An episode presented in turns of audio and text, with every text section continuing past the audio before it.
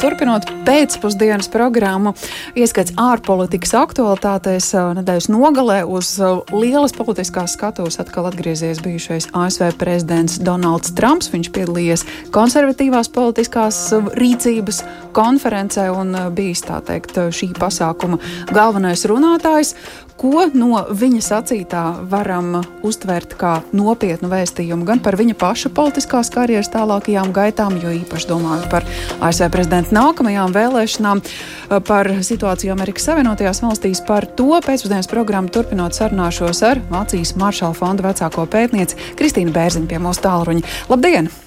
Labdien! Uh, Trumps 2024. gada prezidenta vēlēšanu kandidāts, cik nopietni varam raudzīties uz viņa svētdienas uzrunu?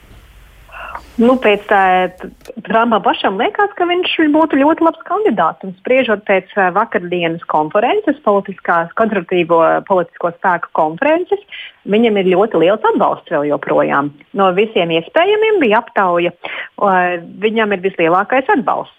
Bet, protams, vispirms ir jātiek cauri 2022. gada kongresa vēlēšanām. Jā, 2024. kas tas vēl savā ziņā politiskajā procesā Amerikā ir tālu.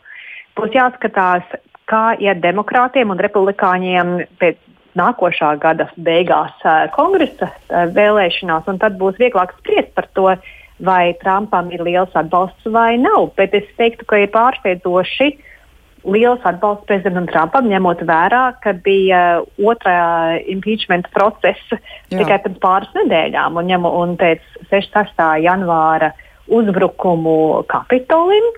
Neskatoties uz visiem notikumiem, eh, viņam vēl joprojām ir milzīga ietekme un teikšana Republikāņu partijā. Kurā savukārt bija cilvēki, kuri gatavojās attālināties no šīs partijas un nu, arī daļai izskatīja iespēju, ka varbūt pašiem jādibina partijas. Starp citu, arī par Trumpu runāja, ka ja konservatīvā partija no viņa novēršas, tad viņš arī, kas zina, varētu veidot savu politisko spēku. Tad nekādu jaunumu šai ziņā pie politiskā apvāršņa nav. Nē, ja bija doma par to, ka Trumps pats varētu izveidot savu partiju, tad pēc vakardienas ir skaidrs tas, ka viņš vēl joprojām valda lielu ietekme un vairākumu atbalsta Republikāņu partijā. Savā ziņā Republikāņu partija vēl joprojām ir viņa partija. Ja kāds cits no konservatīviem vēlētos ieviest tradicionālāku konservatīvo politiku, mazāk populistisku, tad drīzāk tiem būtu jāvēršās pie jaunas partijas veidošanas. Bet neskatoties uz tiesas prāvām, uz, eh, uz citādiem jautājumiem, eh, vēl joprojām Trumpam ir teikšana. Arī tagad redzēsim, kā nākošajos mēnešos un šajā gadā attīstīsies politika.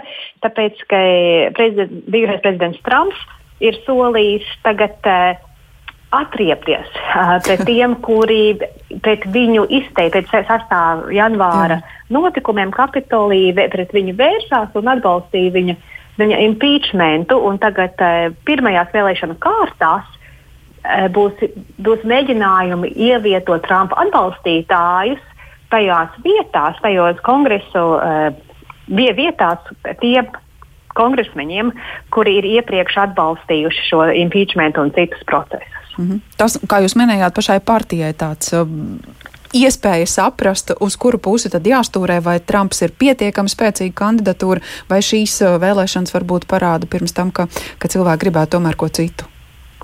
Jā, un uh, pēc, pēc vakardienas spriežot, uh, Republikāņu partijas biedri nevēlas neko citu. Un pat uh, neticamākais iespējams no šīs konferences bija tas, ka tur bija pat zelta skulptūra izveidot ar Trumpa tēlu. Un bija iespējams tie dalībniekiem fotografēties un, un gandrīz pielūgt šo tēlu. Un tāda lieta vēl nav manīta Amerikas politikā, ka būtu burtiski zelta skulptūra šī bijuša prezidenta tēlā izveidota, lai būtu, lai pielūdzēji, lai atbalstītāji varētu atnākt pie tās un, un fotografēties un to apbrīnot. Kas no malas savukārt varētu likties nu, drīzāk kā tāds vājuma izpausme, ja reiz ap tādu zelta centru ir, ir jāpulcina un jāsaliedē? Grūti Ir grūti pateikt. Šī konference sav, savās tādus visaktīvākos konservatīvos spēkus Amerikas Savienotajās valstīs. Protams, eh, parastie vēlētāji ir savās mājās, nepiedalījās šai, šajā konferencē. Grūti pateikt, kā būs nākošajās vēlēšanās, kā, kā tālāk risināsies Covid jautājums, vakcinācijas kampaņas Amerikā, kāda vai ekonomikai būs izaugsme šī gada otrā pusē. Tie būs tādi noteicošāki jautājumi. Un e, tad Trumps, ja, ja Amerikā atgriežas normālāka dzīve un ekonomikai ir laba izaugsme, tad e, Trumpa negatīvam uzsaucienam mm -hmm. un kritikai pret pašreizējo valdību, e, tai, tai būs mazāks spēks. Nu jā, nu, no otras puses raugoties, vai patiesi mēs varējām cerēt, ka Trumps atzīs vēlēšanu rezultātus, ko viņš nekad nav darījis līdz šim un ko vakar arī nedarīja, un ka uzskatīs, ka tas, ko dara Džo Baidens, ir atbalstāmi gan Pasaules veselības organizācija, gan vakcinācijas process. Nu, skaidrs, ka tā viņa retorika šajā sadaļā varēja būt viegli paredzama un nojaušama jau iepriekš. Tieši tā. Vēl joprojām prezident, bijušais prezidents Trumps noliedz to, ka viņš uh, zaudēja vēlēšanās. Uh, tur pat uh, citi runātāji šajā konferencē uzsauca pre, bijušo prezidentu Trumpu kā šoreiz par Amerikas par pašreizējo leģitīmo prezidentu.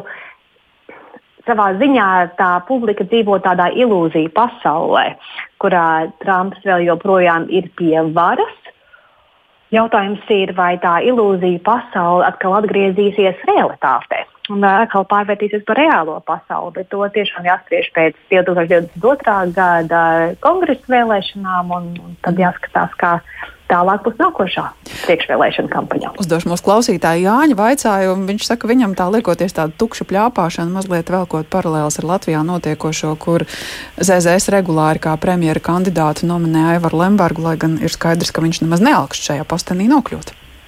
Vai varam izdarīt paralēlis?